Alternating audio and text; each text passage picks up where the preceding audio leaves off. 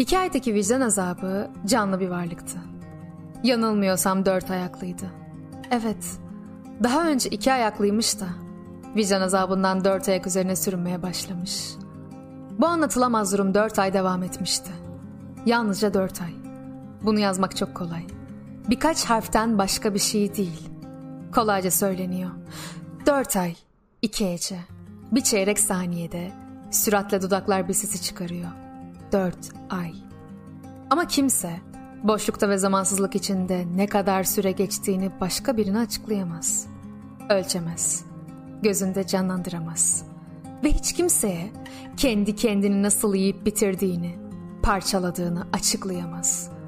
Bütün insanlığın önünde eğilerek özür diliyorum. Beni yanlışlıkla çıkardılar sahneye. İyi okuyucu, az bulunan, ürkek bir kuş gibidir. Kapıdan girer girmez kaçırmamalı onları. Sana kitap hediye edeni unutma. Sana kitap okuyanı hiç unutma. Ne gördün bütün kapıların birer birer kapandığı bu dünyada? Hangi kusurunu düzeltmene fırsat verdiler? Son durağa gelmeden yolculuğun bitmek üzere olduğunu haber verdiler mi sana? Birdenbire buraya kadar dediler. Oysa bilseydin nasıl dikkatle bakardın istasyonlara. Pencereden görünen hiçbir ağacı, hiçbir gökyüzünün parçasını kaçırmazdın. Bütün sularda gölgeleri seyrederdin. Üstelik daha önce haber vermiştik derler. Her şeyin bir sonu olduğunu genel olarak belirtmiştik. Yaşarken eskidiğini ve eskittiğini söylemiştik. Küçük işaretlerin verdiği huzursuzlukla beynimin kargaşa yaşadığını fark ediyordum. İçimin yeni heyecanlar için dolduğunu hissetmiyorum. Fakat bilmeden yeni yaşantılara hazırlıyorum kendimi. İçimde bir Selim ölürken kalan bütün gücüyle yeni bir Selim yaratıyor. Başkalarına söyleyecek bir sözüm olabilmesi için önce kendime söz geçirmem gerektiğine inanıyorum. Bana bugün ne yapmalı diye soracak olurlarsa ancak önce kendimi düzeltmelisin diyebilirim.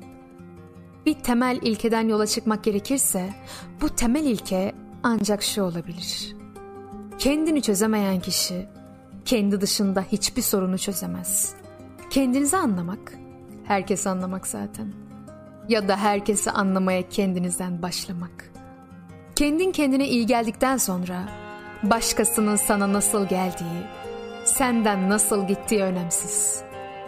Düşünmeye mecbur kalmak bir kimse için en büyük cezadır aslında. Kötü bir resim asarım korkusuyla hiç resim asmadım.''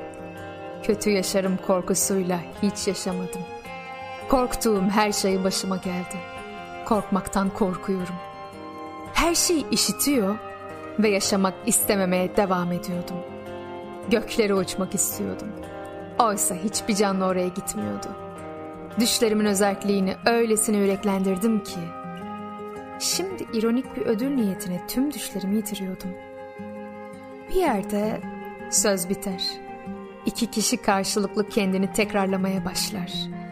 Yeni başlayan ilişkiler bile eskir böylece. Hemen kaçacaksın ki aklın orada kalsın. Herkes istediği kadar koşsun. Beni anlayacak insan. Oturduğum yerde de beni bulur dedim. Oturacağım ve bekleyeceğim.